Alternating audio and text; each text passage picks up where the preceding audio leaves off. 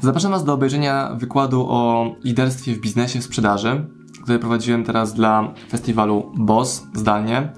I pierwsza część to jest moja wypowiedź, a druga część to Q&A, bardzo ciekawych, gęstych pytań, także zapraszam. Będzie bardzo gęsto, konkretnie tak po osmanowemu. Wybaczcie, że patrzę tak w dół, bo patrzyłem w kamerkę w komputera, a nie tutaj w kamerkę, która teraz do Was nagrywała wszystko, ale skupcie się na audio, że owocnego oglądania. Czym dla mnie jest e, być liderem e, w swoim biznesie? No to w jednym zdaniu jest to wzięcie całkowitej odpowiedzialności za wszystko, co się dzieje.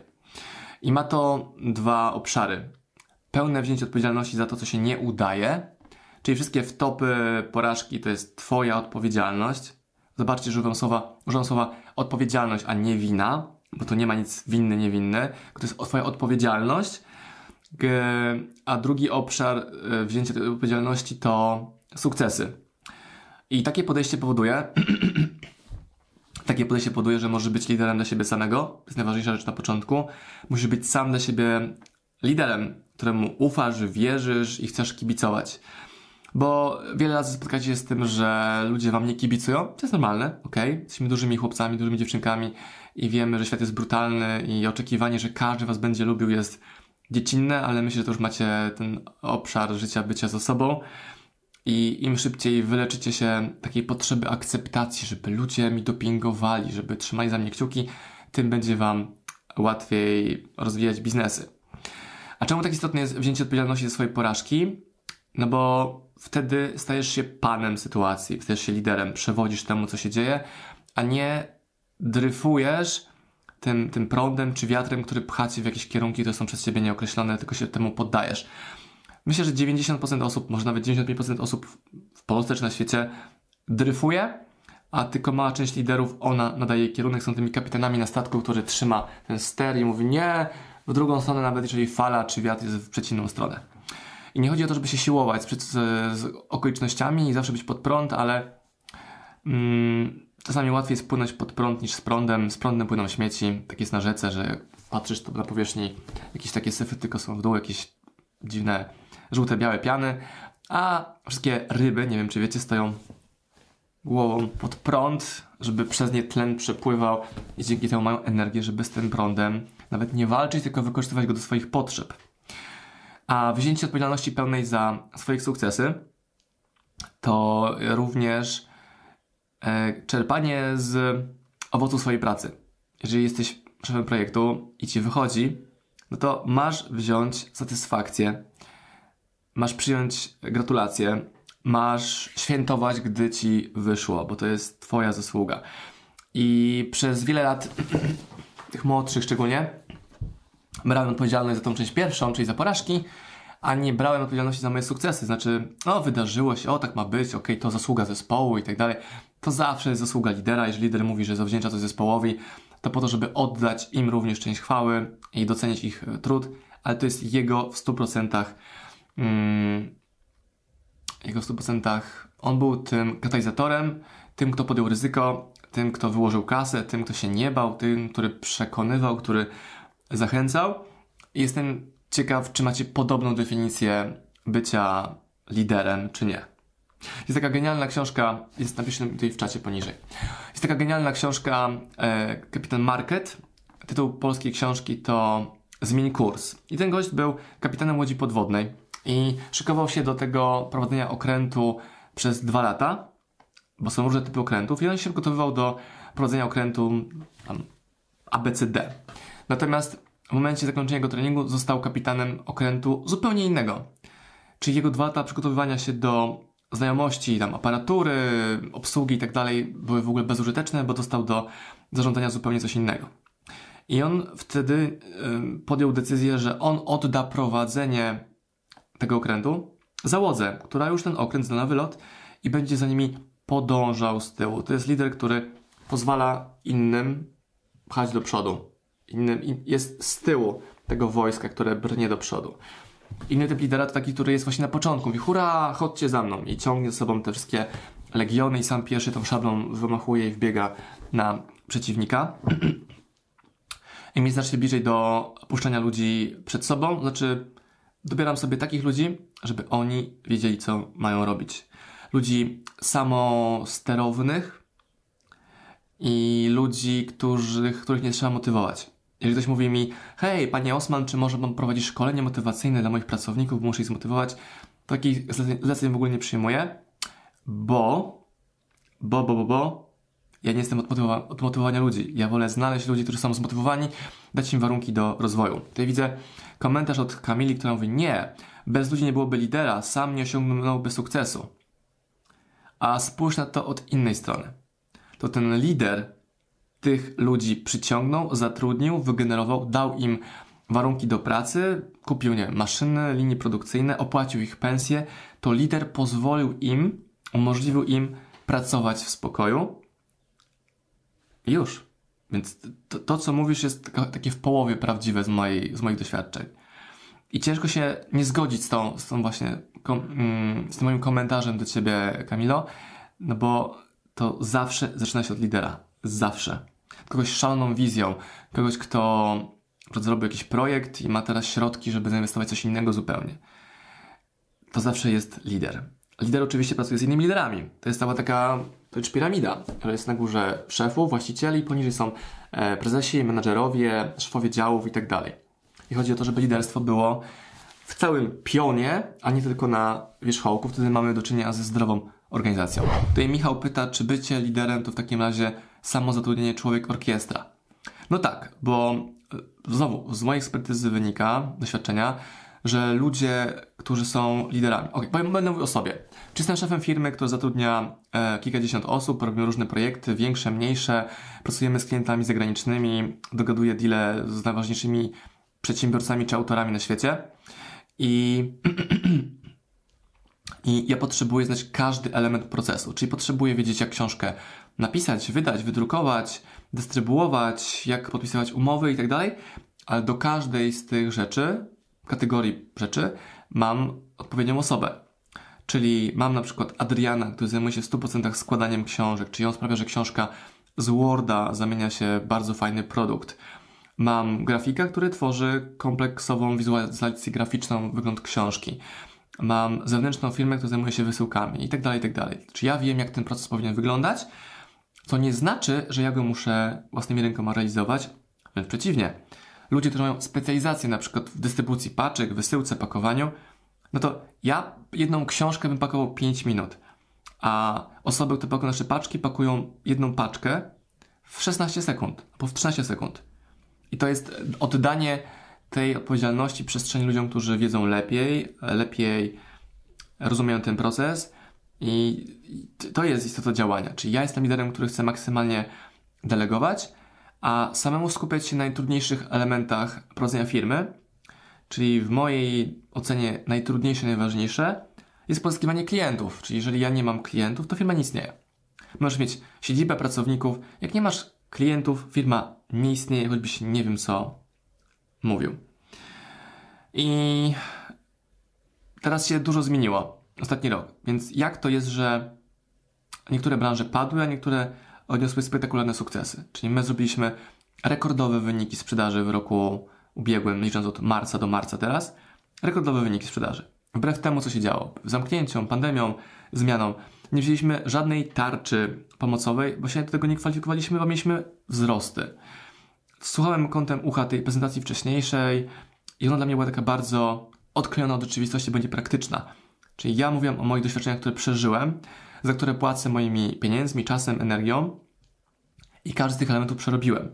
Nie bazuję na dotacjach, nie czekam na rząd, nie czekam na ułatwienia, na zmianę, tylko wiem, że jest syf, jest bagno, ale i tak przez nie brniesz do przodu, bo nie masz innego wyjścia.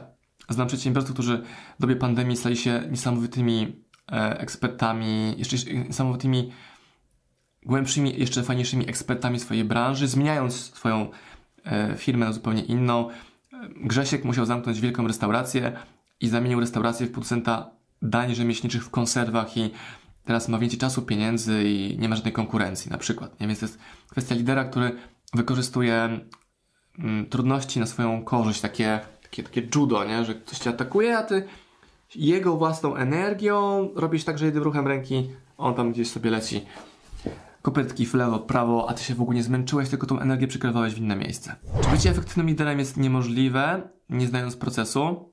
W mojej ocenie tak. Czyli potrzebujesz wiedzieć, czego masz oczekiwać od swojego zespołu. Czyli ja zaczynałem firmę od tego, że wydałem jedną książkę sam i każdą książkę na początku pakowałem tam w papier, tekturę, folię, coś tam. Pakowałem dosłownie walizkę taką małą Ryanerową i szedłem na pocztę. Dokładnie wiedziałem, ile kosztuje koperta, ile kosztuje znaczek, ile to trwa, czemu tego nie chcę robić i wtedy mogę ten proces delegować dalej. A wcześniej, a znam więcej ludzi, którzy no, te paczki sami wysyłają. Czyli to jest ktoś, kto boi się puścić e, rzecz, którą można delegować, bo wydaje mu się, że to jest ważne, on jest zajęty pracą. Ale po co ja mam pakować 5000 paczek miesięcznie w garażu czy w kawalerce, albo wynajmować własną, własną halę, skoro inni robią to lepiej i, i robią to efektywniej. I to pozwala mi jeszcze bardziej skupiać się na tym, na czym ja się znam najlepiej. Jakiej używasz reguły, zasady priorytetyz priorytetyzowania zadań? Czyli chodzi o hierarchię zadań, co dla mnie jest ważne. Ja robię tak, że zawsze wieczorem sobie zapisuję taski na kolejny dzień. Po pierwsze, to pozwala mi spać spokojnie, bo zrzucam z tej pamięci operacyjnej, tych moich uzwojeń mózgowych, konieczność myślenia o tym podczas spania i wiem rano, co mam robić. Natomiast na tej liście obowiązków zawsze jest jedna najważniejsza rzecz. Czyli w dniu dzisiejszym na przykład e, jedną najważniejszą rzeczą do zrobienia dla mnie jest spotkanie z Wami na tym webinarze. Czyli założyłem sobie, że mogę nic innego nie zrobić. Wystarczy, że... A, bo to jest ważne. Spotkanie z fajnymi ludźmi o określonej godzinie, określonym formacie to jest dla mnie najważniejsze dzisiaj.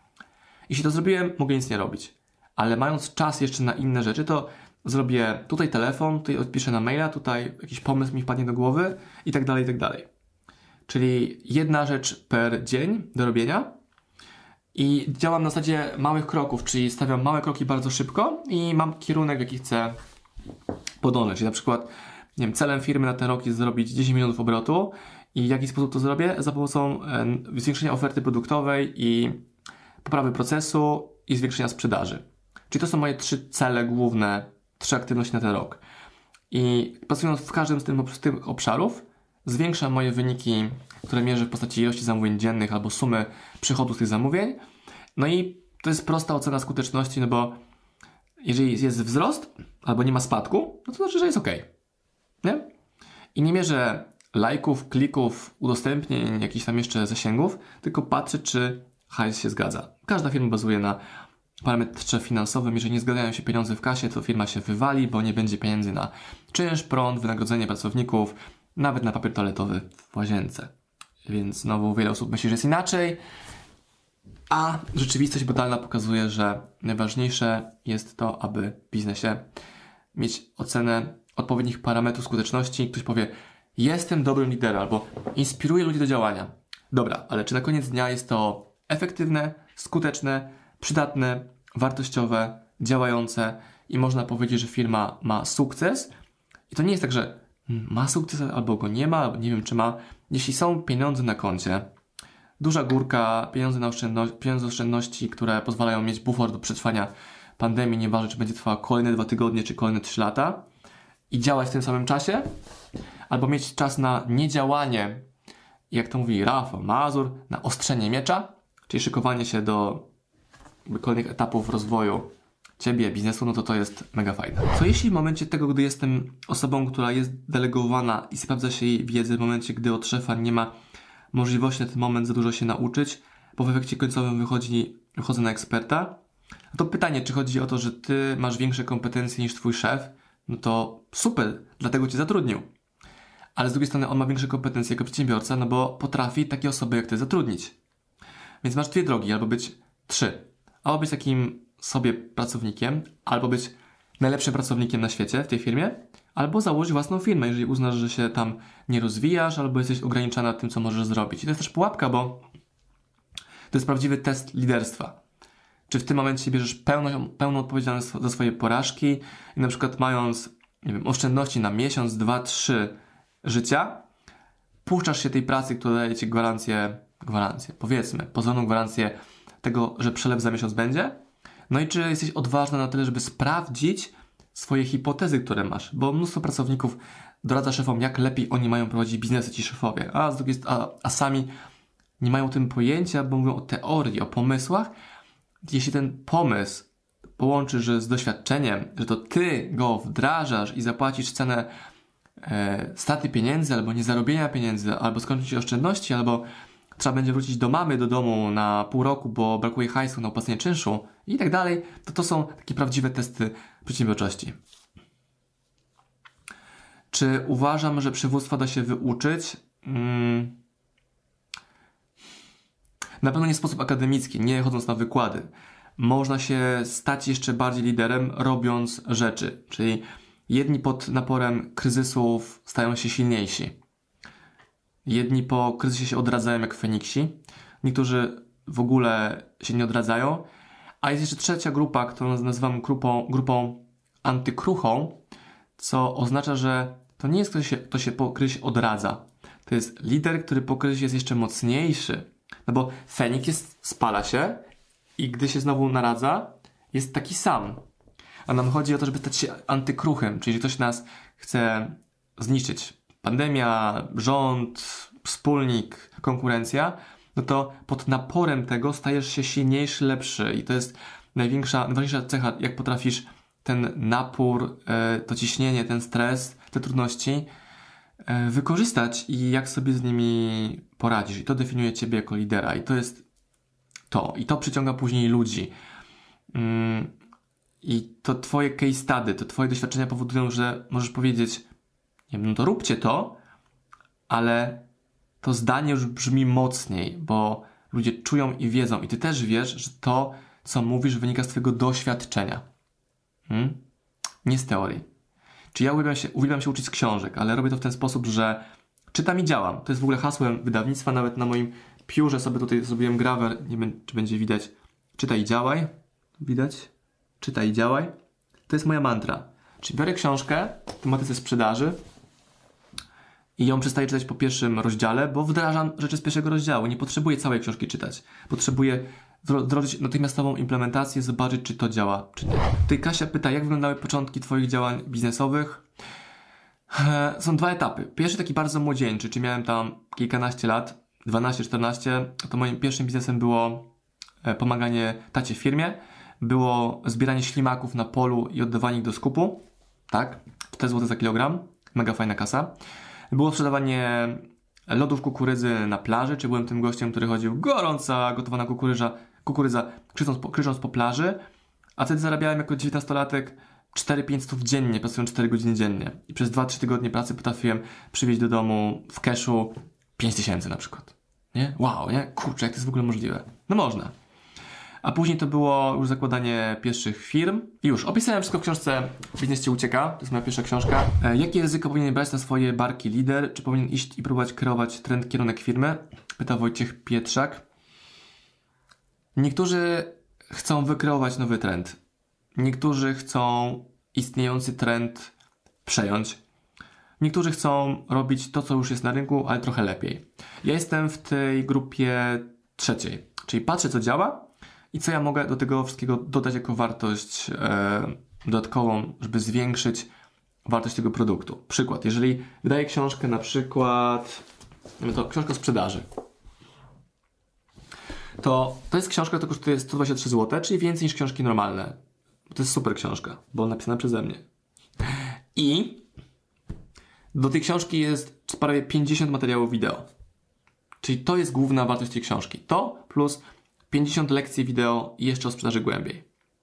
Wartością dodaną jest to, że nagrałem 1000 wideo na YouTube'a, gdzie edukuję za free, jak można lepiej sprzedawać, tworzyć biznesy, marki, brandy w internecie.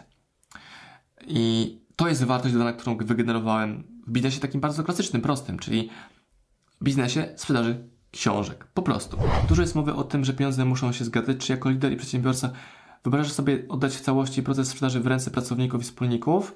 Hmm, co, mm, tak i nie. Czemu? Bo na przykład u mnie reklamy facebookowe generuje Szymon. I to on w 100% kreuje reklamy, czyli on zajmuje się e, takim departamentem sprzedaży pod tytułem Facebook Adsy. I czy ja je prowadzę? Nie. On nie prowadzi, bo robi to zajebiście. Ja to nadzoruję i opłacam. Czyli jeżeli wydał nie wiem, 50 tysięcy i zamienił je na 100 tysięcy, albo na 200, albo na 300, to jest ok. Gdyby wydał 50 tysięcy na reklamę i zarobił z tego 48 tysięcy, no to pytanie czemu, albo czy długoterminowo to się opłaci. Więc on to robi.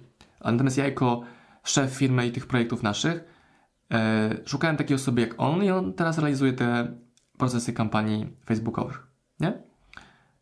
Więc oddałem częściowo ten obszar, ale są też liderzy, którzy nie są e, sami ekspertami sprzedaży, więc oni od samego początku muszą otoczyć się wspólnikiem albo kimś wybitnym od sprzedaży w swojej firmie, albo znaleźć takie mechanizmy jak na przykład no, Facebook Adsy czy AdWordsy, które też są sprzedażą, ale bez działu handlowego na przykład. Więc, e, ale, a moją predyspozycją i moim największym skillem jest sprzedaż, to rozumiem jako użycie każdego narzędzia, które może zwiększyć mi e, rozwój firmy w postaci większej ilości zamówień, większego koszyka zamówień klientów, większego wolumenu sprzedaży i tak dalej, i tak dalej. Czy lider powinien być wrażliwy na problemy innych ludzi, na przykład pracowników? Czy może nakierowanie na cel powinno zawsze wziąć górę? Jako właściciel firmy, twoim nadrzędnym obowiązkiem przede wszystkim jest to, żeby firma przetrwała, żeby przeżyła, żeby się rozwijała. To jest twój nadrzędny cel. Dlatego zakładasz firmę. I teraz, dbanie o pracowników nie stoi w konflikcie do tego. Dbanie o pracowników to sprawienie tak, żeby żyło im się dobrze i chcieli pomagać realizować twój cel, za który im płacisz e, pieniędzmi, doświadczeniem, e, atmosferą, e, tym, co mają, jak, jak mają do pracy w biurze i tak dalej, i tak. Jeżeli ktoś na przykład, twój pracownik ma tragedię życiową, umarł mu jej nie, mąż, żona, no to twoim obowiązkiem jest się nim zająć. Pomóc mu ten czas przetrwać. A jego obowiązkiem w tej relacji jest to, aby tą pomoc przyjąć albo ją odrzucić. Jeżeli przyjmuje, no to zakładasz, że za tydzień, miesiąc, trzy on wróci do pełnej sprawności dzięki temu, że mu pomogłeś ten etap trudny przejść na przykład. Natomiast nie wierzę coś takiego jak dawanie kolejnych szans pracownikom. Jedna szansa spoko, druga szansa, szansa spoko, trzecia do widzenia. I takie szybkie ucinanie sobie ludzi, którzy są nieefektywni, nieprzydatni, burzący atmosferę, toksyczni, nieefektywni, jest Twoim obowiązkiem, a ludzie mają z tym największy problem. Czyli u nas zatrudniamy bardzo powoli, a zwalniamy błyskawicznie. I zatrudniamy ludzi po dopiero testach, czyli no, umiesz to, no to pokaż jak to robisz. Mogę zapłacić Ci za to za dzień pracy, za dwa dni pracy, a nie podpiszesz tą umowę o pracę na 3 miesiące, czy na rok, czy na, okres na czas nieokreślony, jeśli nie doświadczy Twoich umiejętności, które ocenimy w ciągu jednego czy dwóch dni. Jak ktoś się nadaje, spoko, ktoś się nie nadaje, do widzenia. Prowadziłem projekt, e, gdzie osoba, która go wykonywała, e, przez pierwsze 10% projektu było super. Przez kolejne 10% tak było coś dziwnie mniej i później zniknęła. Po miesiącu się odezwała, że miała problemy jakieś życiowe, wyzwania, i czy do tego projektu wrócimy. Ja mówię, nie, bo dotychczasowa współpraca pokazała, że to nie wyjdzie. Ja nie podejmę ryzyka kontynuowania tego projektu e, przez Twoje nieogarnięcie i brak komunikacji. Nawet gdyby ktoś jakąś tragedię w życiu swoim miał, to i tak musi zakomunikować, co się tam wydarzyło. I Twoją rolą jest opiekować się innymi, a tych, których uznajesz za, nie wiem, oszustów, kłamców, e, leni, lesterów, musisz szybko wyeliminować, jak odcięcie toksycznego jakiegoś chwastu od roślinki, którą jest twoja firma. Wasze pytania, które tutaj widzę, one krążą cały czas wokół skrupułów, czy być bezwzględnym, czy, czy, czy miękkim. Masz być szarkiem, który broni swojego okrętu i dba o swoich ludzi. Jeżeli twoi ludzie o ciebie nie dbają, to pytanie dlaczego? Są dwie opcje. Jesteś albo słabym liderem, albo trzeba tę osobę wyrzucić za burtę, mówiąc e, metaforą marynarską. No bo nie ma dla niej miejsca. Ona będzie jak, jak, jak pleśń, jak jedno zepsute winogronko na kiści, jak, jak dwie zepsute boróweczki w paczce. One będą zarażały tą toksycznością dosłownie innych ludzi wokół ciebie. Łukasz pyta, bardziej skuteczny jest lider liberalny, czy trzymający wszystko twardą ręką? Zależy co działa. Tobie są różni liderzy. Jedni na mięciutko, drudzy bardzo twardo, niektórzy zarządzają firmę przez Excela, niektórzy przez spotkania. To zależy, co ci się sprawdza. Masz różne osobowości pracowników, masz różną osobowość lidera. Ty, ja, ty, ja się różnimy zapewne. Więc musisz dobrać do siebie tak te narzędzia, aby one zasoby, narzędzia, proces, aby to działało. I, i, i to jest główne wyzwanie. A nie czy ta metoda, czy inna, czy pójść drogą Davida Marketa, czy innego lidera, który rekomenduje jakieś lekcje. Masz narzędzia, masz zebrać różne opcje z całego świata i poskładać to w własną, we własną układankę. Jesteś bardzo pewny siebie w biznesie. Było tak od początku, czy od początku miewałeś wątpliwości? Kasia Maj pyta. Bardzo fajne pytanie, dzięki. Im jestem starszy, tym jestem bardziej pewny siebie, bo to, co zrobiłem, to są twarde fakty pokazujące, nie wiem, pieniądze na koncie, wielkość biznesu, projekty, z jakimi pracujemy, autorzy, pozycja na rynku i tak. Jest teraz łatwiej. Wątpliwości było dużo, gdy tych sukcesów nie było wcześniej. Lat temu 10 miałem bankructwo biznesu, czyli straciłem biznes, pracowników, firmę, klientów, wszystko. Zostałem z mega długami i wydrapywałem wy, się z tego, z tej, tej dziury, bagna, błota przez dwa lata mentalnie, żeby w ogóle sobie, sobie z tym poradzić finansowo, mentalnie, na każdym obszarze. I tam było dużo wątpliwości. Dobra, no nie wyszło mi, może jestem chujowy, może co, co ja źle zrobiłem? Może ja się tego biznesu w ogóle nie nadaję. Ale później zaczynasz działać i widzisz, że ty jesteś przedsiębiorcą. Ty musisz tylko znaleźć sobie nowy cel, nowy projekt, nowy kierunek, nowy format działania, przeanalizować sytuację, czemu to nie wyszło, przegrupować się i zacząć działać do przodu. Gadałem ostatnio z kolegą, który wziął się za siebie e, pod kątem diety, jest wielorybem i chce stać się człowiekiem ponownie i e, wszedł na dietę, chudnie bardzo mocno, szybko, spokojnie, ale mówię, hej, ale musisz sobie zrobić rachunek sumienia, co doprowadziło do tego, że jesteś wielorybem. Czyli co żarłeś, co tam się wydarzyło w tej diecie, czy co, co tam się działo w ogóle w Twoim życiu. Dopiero po tych odpowiedziach można wziąć się za naprawę swojego życia, biznesu i rozwijanie się dalej. Ja wychodzę, pochodzę z małej miejscowości, miałem mnóstwo kompleksów, mega niską samoocenę, niską pewność siebie na maksa, a jest to do wypracowania, czyli jeżeli wierzysz w to, że hej, jestem zajebisty, a każdy z nas jest zajebisty w środku i będę pracował nad tym, aby ta zajebistość stała się faktem poprzez zdobycie przydatnych kompetencji, poprzez e, no, stawanie się przydatnym społeczeństwu, firmie, klientom, no to wzmacniasz siebie poprzez wzmacnianie innych. Czyli ja mam tysiące, tysiące maili od ludzi, którzy mówią, hej, zmieniłeś moje życie, wdrożyłem twoje strategie, zarobiłem więcej pieniędzy, albo uratowałem firmę, albo a i tak dalej, i tak dalej. Gdyby nie ty, nie założyłbym podcastu czy YouTube'a, a teraz mam 100 milionów odsłon na moim YouTube. I to, są moje, to jest moja codzienność. Czyli patrzę sobie na te rzeczy, one pokazują mi, no, nieważne co mi ktoś powie, coś osma gdzieś do dupy, to nie ma znaczenia, jest jego opinia, natomiast jest tak, tak dużo faktów pokazujących moją e, pe pewność i skuteczność, słowem kluczem jest skuteczność, skuteczność, że tych wątpliwości jest mało, niewiele, albo jest jakiś przejściowy dzień, wtedy zamykam kompa, mówię fuck it, biorę psa, idę na spacer po polach, tutaj po lasach i, i już. Jak szybko uważasz, że można podjąć uzasadnioną decyzję o tym, czy pracownik się nadaje, bądź czy trzeba go zwolnić? Pytam, ponieważ ostatnio zmagam się z wyzwaniami dotyczącymi zatrudnienia. Jeżeli masz w głowie taką myśl, żeby kogoś w ogóle zwolnić, to prawdopodobnie należy go zwolnić natychmiast. A że to jest tylko taka myśl, albo tak sobie o tym rozmyślasz, to zapłacisz za to cenę pewnie jednego, dwóch, trzech, pięciu, a może nawet dłużej miesięcy trzymania tego, tego kogoś, ty wiesz, że on się nie nadaje. Ty masz dowody na to, że on się nie sprawdza, ale łudzisz się, że on się zmieni, poprawi. Nie. Ludzie się nie zmieniają. Albo zmienia się ich tak mało, tak mały procent, że można założyć, że się nie zmieniają. I kropka. Idziesz dalej. Jak skutecznie zarządzać, zarządzać pracownikami starszymi i bardziej doświadczonymi od siebie? W jaki sposób podjąć próbę zatarcia granic między pokoleniami?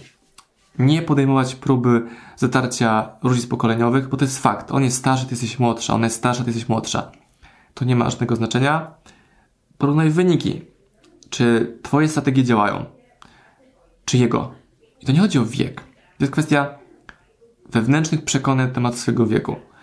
Czy gówniarz, czy gówniara może mieć mega dużą firmę i fajny sukces? No może, ale ona się nie skupia na tym, że jest młodsza, tylko skupia się na tym, że ona wie, jakiś problem rozwiązać i nawet czerpie energię z tego, że stare dziady w ogóle nie rozumieją, o co jej chodzi. Jak nie rozumieją, to są albo stare dziady, albo mam, albo mam błędną hipotezę. Jak mam hipotezę, to mogę ją sprawdzić, zobaczyć, czy jest błędna, czy poprawna. Hmm? Marika pyta, jak zbudować swój autorytet jako lider? Nie budować go w ogóle. Tak samo jak nie budować swojego brandu. Ludzie pytają, jak zbudować swój brand? Nie rób brandu, nie buduj autorytetu, tylko stań się autorytetem, stań się brandem przez czyny, które robisz. Czyli mnie nie interesuje opinia na mój temat robomarketingu, czyjaś, bo ja wiem, że jestem skuteczny. Więc skupiam się na zwiększaniu umiejętności moich marketingowych i sprzedażowych i to buduje autorytet. Ale nawet również brak potrzeby stawania się autorytetem powoduje, że się skupiasz na działaniu, na efektywności, a nie na tym, aby stać się autorytetem. To jest jak zdanie w stylu chcę stać się sławny. No zajebiście, no ale co? Jak? Skup się na działaniu. I wtedy stanie się sławny przez swoje działanie. Czy uważasz, że ludzi da się rozwinąć w projekcie do bardziej odpowiedzialnych ról, czy trzeba szukać nowych, jak pojawia się potrzeba rozwinięcia firmy? Niektórzy się rozwiną, niektórzy nie. Czyli powinno to być tak teoretycznie, że zatrudniasz kogoś bez doświadczenia, bo sam nie ma doświadczenia, rozwijacie firmę, rosną projekty, odpowiedzialność i część osób nadąża za tym rozwojem sama się rozwijając, a część nie. Miałem wiele zwolnień u siebie, na przykład z kimś, kim, kim pracowałem przez 2-3 lata, bo się okazywało, że on nie chce awansować, czyli on nie chce stać się z pracownika menadżerem, z menadżera wspólnikiem, tylko chce być dalej pracownikiem.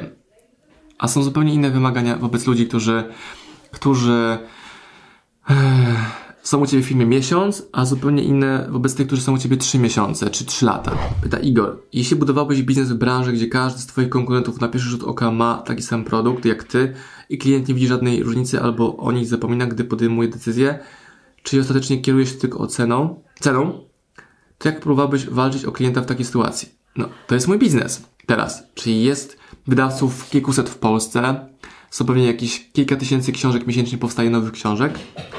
I, I co? No nie patrzę w ogóle na to, tylko myślę, jak mogę zbudować wartość. Czyli moją przewagą jest to, że jestem sprawnym marketerem internetowym. I ta sprawność jako marketer internetowy daje mi tą przewagę, że potrafię szybko chwytać nowe trendy, okazje. Wiem, czym jest Instagram, mam duże konto na TikToku, kilka milionów odsłon i, i wiem, czym są nowe narzędzia i jestem tym sprawny. I to jest moja przewaga, czyli oni mogą sprzedawać w klasycznym kanału, kanale dystrybucji, a ja w tym kanale na TikToku na przykład, czy na YouTubie ogarniam sobie sprzedaż, bo tam ich w ogóle nie ma. Mimo tego, że mamy podobne produkty, jakimi są książki, więc to jest ten mój sposób na działanie inaczej. Sebastian pyta, jak tworzyłeś swój network, jak, jak zaczynałeś, a jak robisz to teraz, czy jak różni się ten proces? Kiedyś było to oparte na tym, hej, jestem studentem, pomóż mi. Przedsiębiorcy chcą pomagać innym przyszłym przedsiębiorcom. Na maksa. Jeśli jesteś proaktywny, fajny, energetyczny, no to ludzie będą chcieli Ci pomagać, bardziej doświadczeni za free. Za free. Będą spędzać z Tobą czas, będą płacić nawet za ten lunch, na który ich zaprosiłeś Ty, bo wiedzą, że Ty chcesz się nauczyć tego biznesu. Teraz, e, jak chcesz z kimś się zakolegować i robię jakieś biznesy, po prostu piszę mu propozycję biznesową. Hej, słuchaj, możemy razem zrobić to, to zarobić tyle pieniędzy, ja się wszystkim zajmę, czy chcesz. Albo zapraszam kogoś na wywiad do mnie na YouTube'a, czy na webinar, czy do mojej bazy, albo mówię, hej, może wydam razem książkę. No to są moje metody. Teraz korzystam z mojego brandu, zasięgu, e, tego, co wypracowałem w internecie. Jest pytanie o to, jak prowadzę moje social media. Wszystkie treści, które widzicie, są napisane przeze mnie. Nikt za mnie postów nie pisze.